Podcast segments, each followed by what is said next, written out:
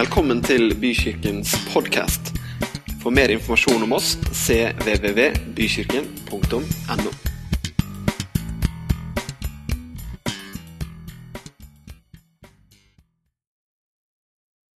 skal leve helere. Husk at vi skal få tak i essensen av å leve Jesus. Og hjelp oss til det i dag. Gud, hjelp oss til å komme nærmere det du har, har for oss i livet. Jeg ber om hjelp til å klare å prate på en god måte, og at vi skal få formidle noe av ditt hjerteslag i dag. Amen. Amen. Så bra, for nå tenkte du kanskje at oi, nå kommer han trommisen og kupper showet. Eh, og det gjør han for så vidt. Eh, Frank har glemt å introdusere meg i dag, så det er ingen som vet at jeg skal snakke. Men det hadde, det hadde jo dere godt, antagelig, så det er kanskje derfor eh, vi liksom er sikre på at dere er i salen i hvert fall i fem minutter til. da. Så det er hyggelig. Så når jeg ser liksom folkevandringen ut her, så skjønner jeg at eh, det skal spille trommer igjen i stedet. Dere, eh, Det er fint å være her i dag. altså. Det, vi har kommet oss hit. Det var bra den snøen kom i går. Den snøen som falt i går, er det ikke noe som heter det? Ja, Jeg skal ikke drodle noe mer rundt det, for det var bare noe jeg kom på akkurat nå. så jeg har ikke noe mer å si enn det egentlig. Men, men eh, vi, var ute, vi var ute i går, altså. For det var jo, det var jo snø. Og vi må jo, jeg kommer fra Trysil, så da må vi jo liksom utnytte muligheten. Komme oss litt på ski og sånn, da. Det er fint. Det det skal handle om i dag, det er denne, liksom, denne lille overskriften 'Dette trengte jeg nå'. Den, opp, den, opplevelsen håper jeg du har hatt en gang i løpet av livet. Kanskje flere ganger i løpet av livet. At 'Å, dette her var det jeg trengte nå'. Dette var liksom Å, så deilig. Dette trengte jeg nå. Eh, I går så var det to ting jeg trengte. Det ene var å komme meg ut på ski. Fordi vi hadde brukt så lang tid på å komme oss til bilen. Eh, vi eh, har ikke et superorganisert hjem, så når jeg skal finne skihanskene mine, så, så blir jeg fort irritert. Eh, og, når jeg da skal finne skihanskene til barna også, så blir jeg enda mer fort irritert. Så, så da, da trengte jeg virkelig å komme meg ut. Så det var jo én ting. Vi kom oss i hvert fall ut. Eh, Og vi gikk på ski, og så eh, ble det en veldig fin tur oppe på Borgheim, der oppe der vi, i nærheten av der vi bor. Og så, så kommer man til et punkt der man trenger en liten pause. Ikke sant? Og jeg kan jo late som det var barna som trengte pause, men nå var det på tide for meg med en liten pause. Så da spør jeg da, er dere slitne nå, barn. Dere er gode og slitne nå? Kjenner dere nå? Litt andpusten? Ja, da, var, da måtte vi ta en pause. Og da blei det litt melkesjokolade. Og den melkesjokoladen den smaker så mye bedre når du har gjort litt først, enn når du bare sitter i sofaen. Ikke? Da tenker man dette trengte jeg nå. Nå trengte jeg litt melkesjokolade. Og det kjenner du egentlig ikke på når du sitter i sofaen. Da kjenner du liksom at dette trenger jeg egentlig ikke nå, men vi spiser sjokkis allikevel. Så, så det, det var derfor jeg gikk på ski i går, da, så jeg kunne føle at nå trengte jeg litt sjokolade. Og så kan vi jo egentlig trekke dette over til resten av livet. folkens, at Av og til så trenger vi noe for å komme videre. Av og til så trenger man et oppmuntrende ord. Kanskje du trenger at en, en kollega av deg skryter skikkelig deg på jobben. Og så deilig at folk faktisk har sett meg. Så deilig at det jeg har å bidra med i denne verden, blir sett og hørt. Det, det trenger man, da. Noen ganger så Å, dette trengte jeg nå. Det er en kjempedeilig følelse å ha den følelsen. Når dattera mi gir meg en klem uten at jeg ber om det først. Ja, det, det er fint, da. Og kona mi også gir meg en klem uten at jeg ber om det først. Det er kjempefint. Så vi, vi trenger det. Vi trenger oppmerksomheten. Det, er, det er, finnes noen ting der vi liksom, at dette trengte jeg akkurat nå. Dette måtte jeg få lande. Eh, Den melkesjokoladen der, den blir jo litt sånn når du er på kverneriet og spiser eh, den beste hamburgeren med parmesan, eh, den der parmesantoppingen. Du har vært på kverneriet? Ja. Åh, det er godt på kverneriet, ass. Jeg blir sponsa av kverneriet. Nei da, jeg gjør ikke det. Men jeg sponser de. Eh, Kanskje du får penger igjen på skatten. Altså, det er liksom det, dette som løfter livet vårt. da. De gangene vi tenker, altså, Så er det godt med kverneriet en gang iblant, men hadde jeg gått der hver dag, ja, da hadde jeg gått lei det òg. Så det er en sånn balanse mellom at ja, dette trengte jeg nå, men så trenger jeg det egentlig kanskje ikke i morgen. Jesus han levde jo på denne jorda her. Han gikk på denne jorda, han fikk en del folk rundt seg som fulgte han. Og det siste Jesus sier til dem, det står i disse versene. Eh, Han hadde dødd på korset, han hadde stått opp igjen. Han eh, hadde kommet blant sine egne igjen, og så er han samla med ganske få helt på slutten her. Når han sier Jeg har fått all makt i himmelen og på jorden. Gå derfor og gjør alle folkeslag til disipler. Døp dem til Faderens og Sønnens og Den hellige ånds navn, og lær dem å holde alt det jeg har befalt dere. Og se, jeg er med dere alle dager inntil verdens ende. Så kommer liksom the million dollar question. Var det dette de trengte nå? Var det dette disiplene trengte nå? Jeg mener, De har vært gjennom ganske mye. De har fulgt denne karen her i tjukt og tynt i tre år. Gått med han. Han har sagt at han skal dø, og de tror ikke helt på det. Det kan ikke stemme at han her skal dø. Og så dør han. Og så har han jo sagt at han skal stått opp igjen, men det tror de heller ikke helt på. Han står vel ikke opp igjen heller. Og så står han opp igjen. Og da, da vil jeg liksom, eh, sånn Isolert sett, da, sett utenfra nå, så ville jeg tenkt OK, serenity now.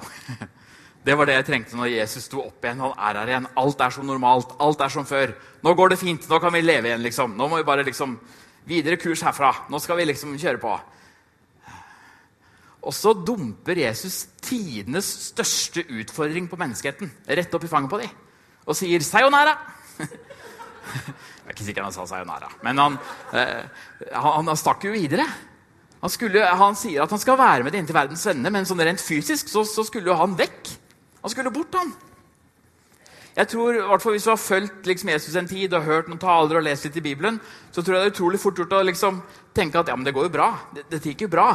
Men for de som var der da, så ante ikke de hvordan dette skulle gå. Dette er jeg så fascinert av. Fordi Jeg tror de egentlig, sånn menneskelig, så burde de ha tenkt dette trengte jeg ikke nå. At du skulle gå fra oss, Jesus. Og det tenkte antagelig ikke han han som satt i den bussen her heller. Dette trengte jeg ikke nå. Jeg trengte ikke det hullet. Det er det motsatte av 'dette trengte jeg nå'. Dette trengte jeg ikke nå. Og det også opplever vi ganske ofte. Gjør vi ikke det? Hva er det siste jeg trengte nå? Eh, jeg er egentlig litt overraska over meg sjøl, men i går da vi endelig hadde kommet oss i den bilen og kjørt av gårde til Borgheim, så er du ikke brøyta der vi skal parkere bilen. Eh, og jeg kjører en tung bakhjulsdreven bil som satte seg fast med det i det øyeblikket vi kom inn på parkeringsplassen. Eh, jeg trodde jeg skulle bli mye hissigere enn jeg ble. Jeg syns jeg takla det utrolig bra, faktisk. Bare så det er sagt. Men det var jo ikke det jeg trengte nå. Jeg trengte ikke å sette fast den bilen nå. Nå trengte jeg å komme meg på ski. Og det, jeg, jeg, innbiller meg at disse disiplene må ha tenkt noe av det samme når de, når, de, når de, står der og ser Jesus forsvinne. Og liksom Lykke til, du har tidenes største oppdrag. Hele verden skal nå liksom få høre om meg gjennom dere. De vet jo ikke, Kanskje det er bra at ikke de visste hvor stor verden var. At ikke de visste at Tønsberg oppe i Norge der, de skal en dag få høre om Jesus pga. dere. Da hadde jeg blitt svett, tror jeg. Hvis jeg hadde visst hvor lang avstanden er. da. Når jeg jo akkurat starta firma sammen med kona mi, og vi, vi liksom skulle liksom erobre India nå, og ta store markedsandeler i India, så hadde jeg tenkt det går jo ikke. Det kommer ikke vi til å klare. Vi må jo ha vært innom den tanken. Det blir litt sånn som å kjøpe skjorte på Alibaba i Kina. Denne her kjøpte jeg på Alibaba. Og Nå er det noen år siden jeg har prøvd å ta den på meg. Så nå blir det sånn verdenspremiere på Gunnar offisielt i XXL Alibaba-størrelse.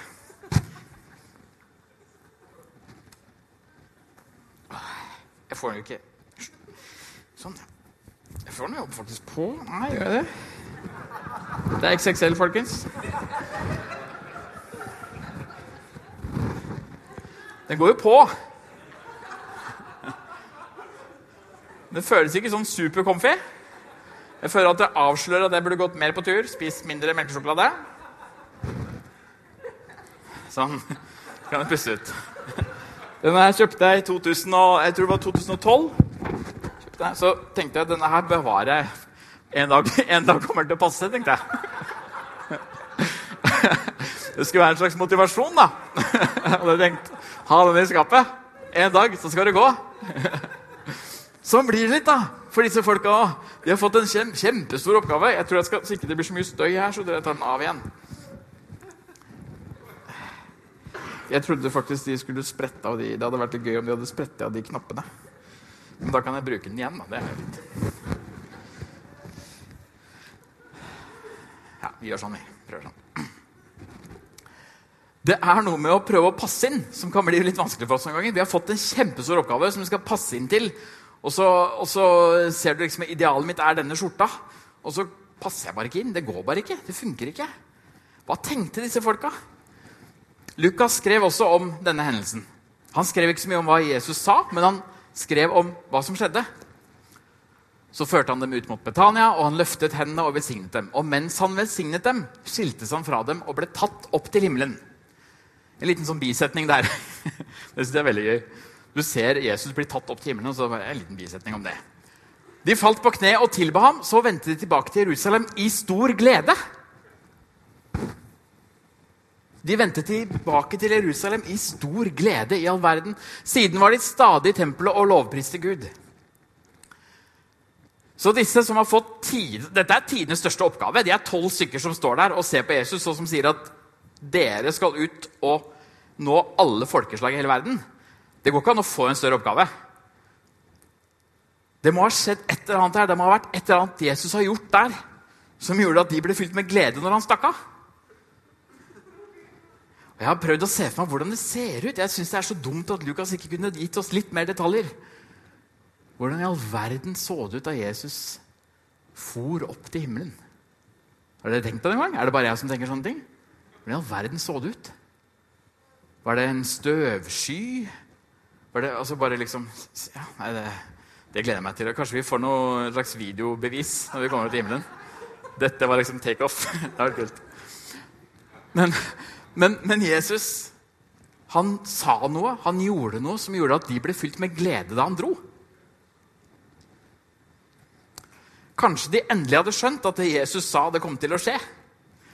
Kanskje de ikke bare hørte de ordene, men kjente det i seg. at vet du hva? Selv om Jesus nå stikker av, så er han inni her.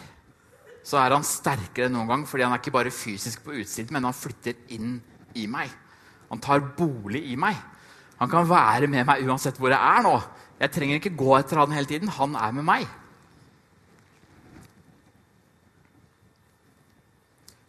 Så når han sier at han skal dø, stå opp igjen, frelse hele folket, så trodde de sånn halvveis på han. Og når han nå sier at 'Jeg skal være med dere alle dager inn til verdens ende', så tror de på han. Så drar de derfra med en overbevisning om at Gud er med oss. Gud er med. Og når, når vi ser på Bibelen da, og ser på alle de historiene og mennesker som har fått oppleve at Gud er med, så er det jo ganske overveldende beviser på at han faktisk ønsker å være til stede i hverdagen. At han ønsker å være der for oss. Vi skal se litt nærmere på et eksempel. Eh, vet dere hva vi skal snakke om nå? Dette er, eh, dette er korianderfrø. Og de sier at det er det som ligner mest på manna som kom fra himmelen da, da israelittene var ute i ørkenen. Vi tar en sånn kjapp recap. Uh, israelittene, Guds folk, har blitt fanga av Egypt. Uh, de rømmer gjennom en serie spesielle hendelser. Kommer seg ut fra Egypt, gjennom Rødehavet, og så kommer de ut i ørkenen. Og Der har det jo liksom skjedd tenker jeg, ganske mye da, før du kommer dit. Men jeg tenker ja, Gud er med oss. Jeg tenker Gud er med oss. Han har sørga bra for oss. Delte et lite hav der. Vi gikk over tørrskodd. Ja, jeg tror Gud er med. Men det går ikke så lang tid før det liksom Hva i all verden, Gud? Hvor er det blitt av deg? Vi har jo ikke noe mat! Og så tenker Gud ok, dette ordner vi på en fin måte. Vi sørger for at hver morgen så ligger det manna på bakken. Det er ganske kult. Uh, og det er litt honningsmak i det, og det skal de være glad for, for dette varte i 40 år. så det var bra det smakte litt honning. Men tenk deg de første dagene der, da. Når du våkner opp, og så bare ligger det mat klart på bakken. Det er jo helt sykt. Det er jo helt vilt. Så går det litt tid, og så Ah, Gud! Den blir irritert igjen, da. Vi har ikke noe vann! Vi må ha vann, Gud! Og så skaffer han vann gjennom en Dere husker Moses som uh, som rører denne, dette fjellet, og så kommer det vann til dem. Gud fikser det også. Det er jo helt utrolig sånne bevis da, på at Gud er med. Gud ga dem det de trengte de der og da. Og det er Bibelen full av, disse bevisene på at Gud gir oss det vi trenger. Og så er vi, Nå skal jeg dele oss opp i tre kategorier, også, vi som er her. Det er noen av oss håper jeg egentlig, Oi, se der ble litt skjevt, men det går bra. Det er noen av oss som ikke følger Jesus i dag. Som ikke vet hvem han er, som ikke kjenner han, som ikke har en kobling til han i hverdagen. Og Sånn var det også på Israels tid. De som ikke var Israels folk, de våkna jo ikke opp med manna på bakken. Sant? De, de, hadde jo ikke det forholdet i det hele tatt. De fikk ikke kjenne hva Gud var. Og Sånn er det med deg også. kanskje da. Hvis ikke du følger Jesus, så kjenner du ikke helt hvem han er. vet ikke helt hva dette er for noe. Og så er det noen som nettopp har møtt Jesus. Som ikke er så lenge siden du møtte Jesus. Du spiser manna på sånn kanskje dag fire-fem. da. Eh, og da er jo det herlig. Da er jo manna helt fantastisk. Jeg husker jo veldig godt da jeg var nyforelska. Vært gift med Kristin nå i snart 16 år. Det er fint, altså. Eh, og da, skulle, da, jeg skulle fri til Kristin, så tenkte jeg nå må jeg jo virkelig se på stortromma. Så jeg lagde en sang. Jeg fikk spilt inn den i studio. Akkurat det syns jeg gikk ganske fint. Og så var planen å dra til London. Og så skulle vi da, Jeg har en, et søskenbarn som bor i London, som skulle fikse oss en kul restaurant. Og så skulle vi sitte der og spise, og så skulle sangen komme på i bakgrunnen. Og så skulle hun skjønne at her synger Gunnar en sang til meg. Der jeg frir i den sangen. Det er ganske romantisk, da. Ikke Og så kommer vi til London, og så sier hun søskenbarnet du, jeg har ikke helt fått ordna den restauranten ennå. Nei, ok. Eh, så, så, jeg kan fikse det på veien, liksom. Fordi vi skulle, vi skulle på en musikal, og så var det liksom etter det vi skulle på den restauranten. Så hun skulle da gå i forveien og høre da, om jeg kunne komme med på en restaurant. Ta med en CD og spille av en liten snutt. Eh, så hun får tak i en restaurant nede på en sånn båt på Themsen. Eh, og jeg, jeg har aldri ljugd så mye i mitt liv, fordi Christer skjønte ikke hvorfor vi gikk rundt og lette etter restauranter. Men jeg måtte ståle hele dette greiene, sånn at vi skulle liksom få avtalen på plass. Og så kommer vi oss ned til den restauranten. Kommer inn og så tenker jeg, åh, det er godt, det var ikke så mye folk der. Ganske tomt. Eh, og så får jeg sniket denne CD-en til, til bartenderen, som han skal sette på. Jeg er så nervøs. Og så setter han på, og så er det altfor lavt. så jeg må liksom Can you please turn up the volume a bit? og så setter du på det volume, og så kommer sangen. da, Og så går jeg ned på kne, og så ble det jo ålreit. da. Det ble jo koselig, og hun ville gifte seg med meg og sånn. ja, det er kjempefint. Eh, men jeg har jo ikke lagd en sang siden, altså. Jeg har ikke gjort det. Men nå er jeg litt overraska, Kristin. Q-music. Nei da, bare tulla. Det hadde vært skikkelig kleint. Ja, om vi tatt en ny nå, 16 år etter. Nei da. Jeg elsker Kristin mer nå enn jeg gjorde da. Fordi jeg kjenner henne bedre. Vi har hatt mange flere dager sammen. Vi har opplevd mye sammen. Vi har gått gjennom ting. Da var det jo liksom helt ferskt, så alt var friskt og nytt og spennende. Mens nå er det solid og ekte og ærlig. Og Det er veldig, veldig, deilig å ha den sammenhengen, men det, men, men det, er jo ikke alltid sånn at man går stormforelska. Vi går i litt sånn faser. Og Kan du tenke deg disse da som har spist manna i 14 326 dager? Når du har manna på 14 326. dagen Da har du lyst på en litt ny sang, egentlig. har du ikke? Da har du lyst på at det skal skje noe litt nytt. Det må være lov å si det. Og Sånn tror jeg det også er for oss da, som, som har fulgt ah, Jeg har jo jobba med dette, her, så jeg må jo vise den. Oss som har kjent Jesus lenge. Nei, det gikk bare videre? Ja, men dere husker det. Ja, Vi har sett det nå. Oss som har kjent Jesus lenge, vi kan fort gå i litt sånn mannatørke, tror jeg. Vi har blitt så vant til det. Vi har blitt så vant til at Gud er jo der for meg. og ja, Han kjenner meg, og ja, når jeg ber, så ja, det kjenner jeg litt respons. Og jeg synger til han, så ja, så er det et eller annet der. Eh, og han kan kanskje til og med stille opp når det er litt vondt. Jeg har noen å gå til når ting er tøft. Jeg har noen å takke når ting går kjempebra. Så blir man veldig vant til det. Så blir det en vane for oss. Så blir det manna. Eh, israelittene de kom til det lovede landet til slutt. De kom dit de skulle etter 40 år.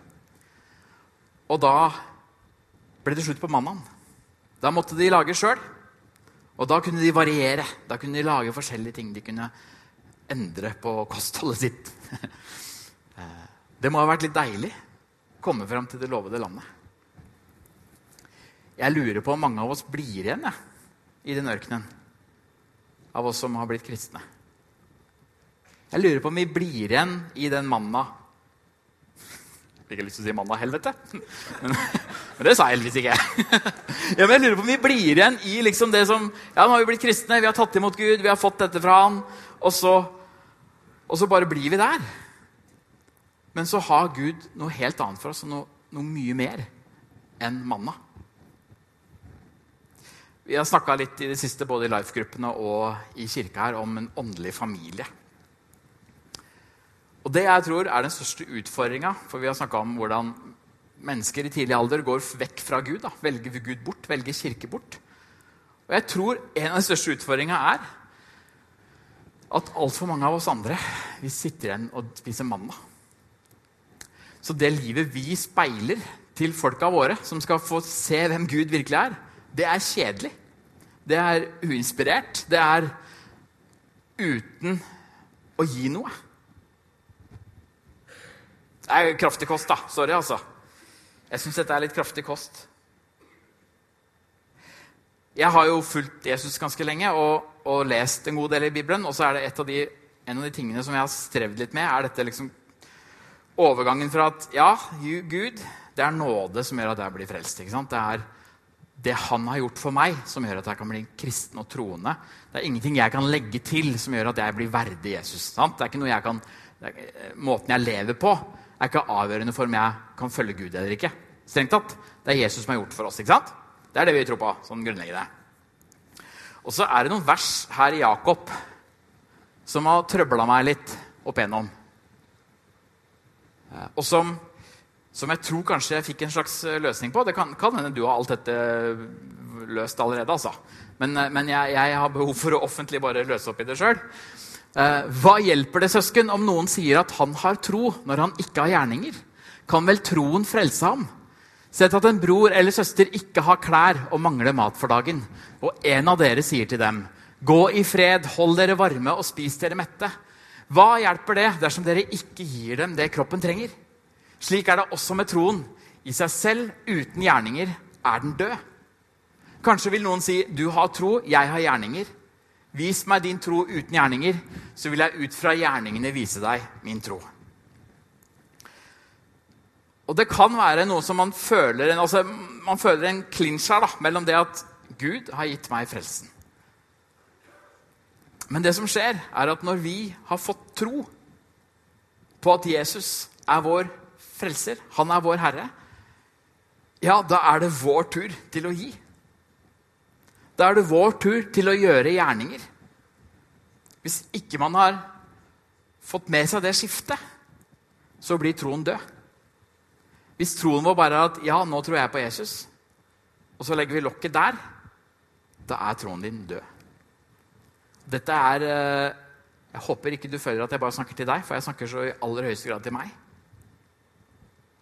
Så vi er helt nødt til, hvis vi skal være en åndelig familie der vi oppfostrer barna til et sunt og godt og trygt liv med Gud, så må vi modellere noe annet enn det jeg gjør i dag. Det handler ikke om hvor mye jeg ber, det handler ikke om hvor mye jeg lovsynger, det handler ikke om hvor mye jeg tenker på Gud i hverdagen. Det handler om hva slags gjerninger jeg gjør. Hva gjør jeg for folk rundt meg? Hva gjør jeg for familien min? Hva gjør jeg for de som ikke har en tro? Hva gjør jeg for naboen min? Det er det det handler om. Og ja, vi kommer til himmelen uten å gjøre gjerninger. Men troen vår her på jorda er død hvis vi ikke gjør gjerningene. Uh, det var bra det var morsomt til å begynne med, da. Så slik er det også med troen. I seg selv, uten gjerninger er den død. Hva trenger du egentlig troa di til hvis du bare skal ta imot? Hva trenger vi tro til hvis vi bare skal eksistere? Hvis vi bare skal konsumere Gud, hva trenger vi egentlig troa til?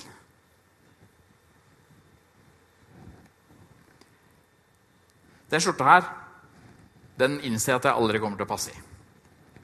Det kommer ikke til å skje. Jeg har ambisjoner, selvfølgelig. Og den kommer til å komme tilbake i klesskapet for å se om jeg passer om et par år. Men det kommer mest sannsynligvis ikke til å skje. Og jeg alene kommer ikke til å frelse Tønsberg eller uh, oppnå liksom de aller største tingene. Det, det kommer ikke til å skje. Men det er så fort gjort da, å tenke at jeg må bare få litt mer kunnskap først om Gud. Jeg må bare være litt mer sammen med Han først. Jeg må bare bli mer åndelig. Og så skal, liksom, så skal, jeg passe inn i skjorta, og da skal jeg begynne å gjøre gjerninger. Men Gud har så innmari lyst til at du skal ta av deg den skjorta. Han har så lyst til at du ikke skal ha noe krav på deg, noe, noe uh, teologgrad eller noe perfekt liv før du begynner å gjøre gjerninger. For det er når du gjør gjerninger, at troen utløses. Det er når du gjør noe for andre, at Gud multipliserer det. Det er når vi går ut av konformsona vår, at han stiller opp. Vi er helt avhengig av å gå det første skrittet først. Og så er det kjempeskummelt. Vi, vi, snakker jo mye om frimodighet i kristen sammenheng. At ja, vi ber om frimodighet. Men vi snakker ikke så mye om det motsatte, nemlig at vi ofte har en sårbarhet. Fordi det å bry seg om andre, det å stille seg litt sånn til hogg for å være til stede Ja, rett og slett eh, ikke, ikke plage, men, men, men, bry seg ordentlig om folk. Så er jo faren for at du kan bli avvist. Når du tenker du skal helbrede, for, helbrede noen i all offentlighet, og jeg har lyst til å be for deg, så er jo faren at det ikke skjer. Det er jo en reell fare, det. Det er en sårbarhet der som gjør at vi ikke tør, som gjør at vi holder tilbake. Men uten gjerninger så er troa vår død. Uten at vi prøver, så, så skjer det ikke. Og så tror jeg det handler litt om etapper. Å tørre å gjøre noe. Starte med noe for å se om Gud faktisk stiller opp. Og på samme måte som disiplene gikk fra å ikke helt tro på at Gud, eller Jesus kom til å dø og stå opp igjen, til å tenke Yes, Jesus, du forsvinner fysisk fra oss, men nå flytter du inn i hjertet. Den vissheten der vil du også få etter hvert. På at Gud er med deg i hverdagen. Gud er med deg i dine relasjoner.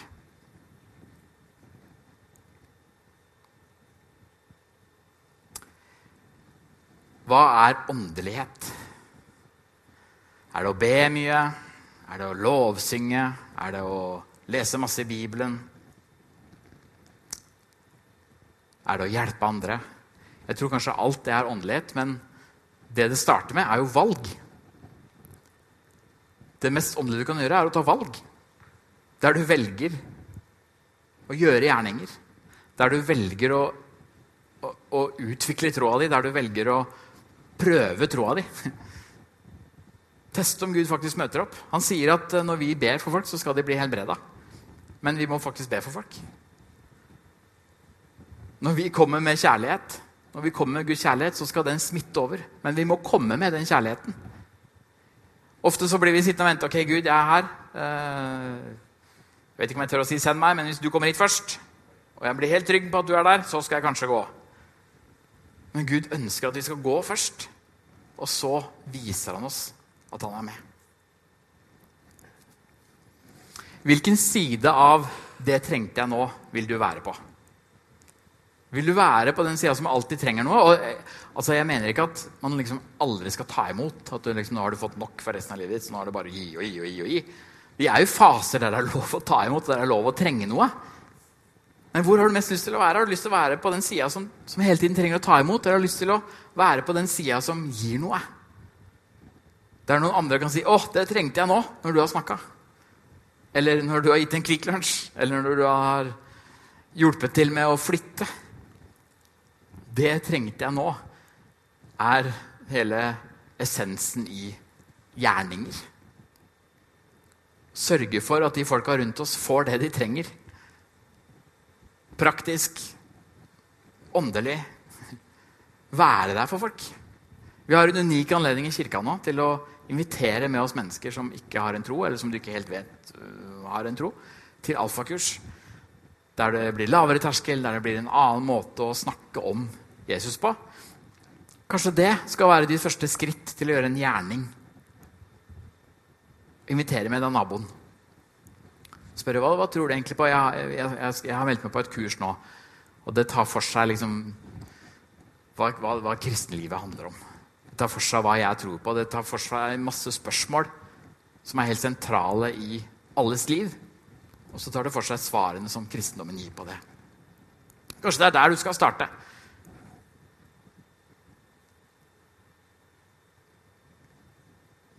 Gud han ga deg en gang noe som du trengte. Og så trenger han at vi gir det videre. Han trenger at du er en som gir. Ikke fordi du er perfekt, ikke fordi du venter på det rette svaret eller det rette tegnet, eller du tenker at nå, nå, er det min tur, men fordi du har tatt et valg. Ikke bare ett valg, men du tar valg hver dag om at jeg ønsker å utgjøre en forskjell. Jeg ønsker at mitt liv skal inneholde Gud i så stor grad at når jeg kommer, så, så er faktisk Gud med. Så har Gud noe å gi til de rundt oss. Min påstand er at hvis du har spist manna litt, da, du har fått, hatt noen dager i manna, ja, så er det sånn at det du trenger nå, er at andre trenger deg. For når du får se at du har verdi i andres liv, så er det i seg sjøl sånn rent psykologisk uh, utrolig deilig. Men det er dit Gud ønsker skal komme. At de faktisk utgjør en forskjell da, i folks liv. At vår tro blir praktisk. At det ikke blir teoretisk og noe vi gjør på søndagen, men det er noe som gjennomsyrer hele livet vårt. Kan lovsangsteamet komme, komme opp?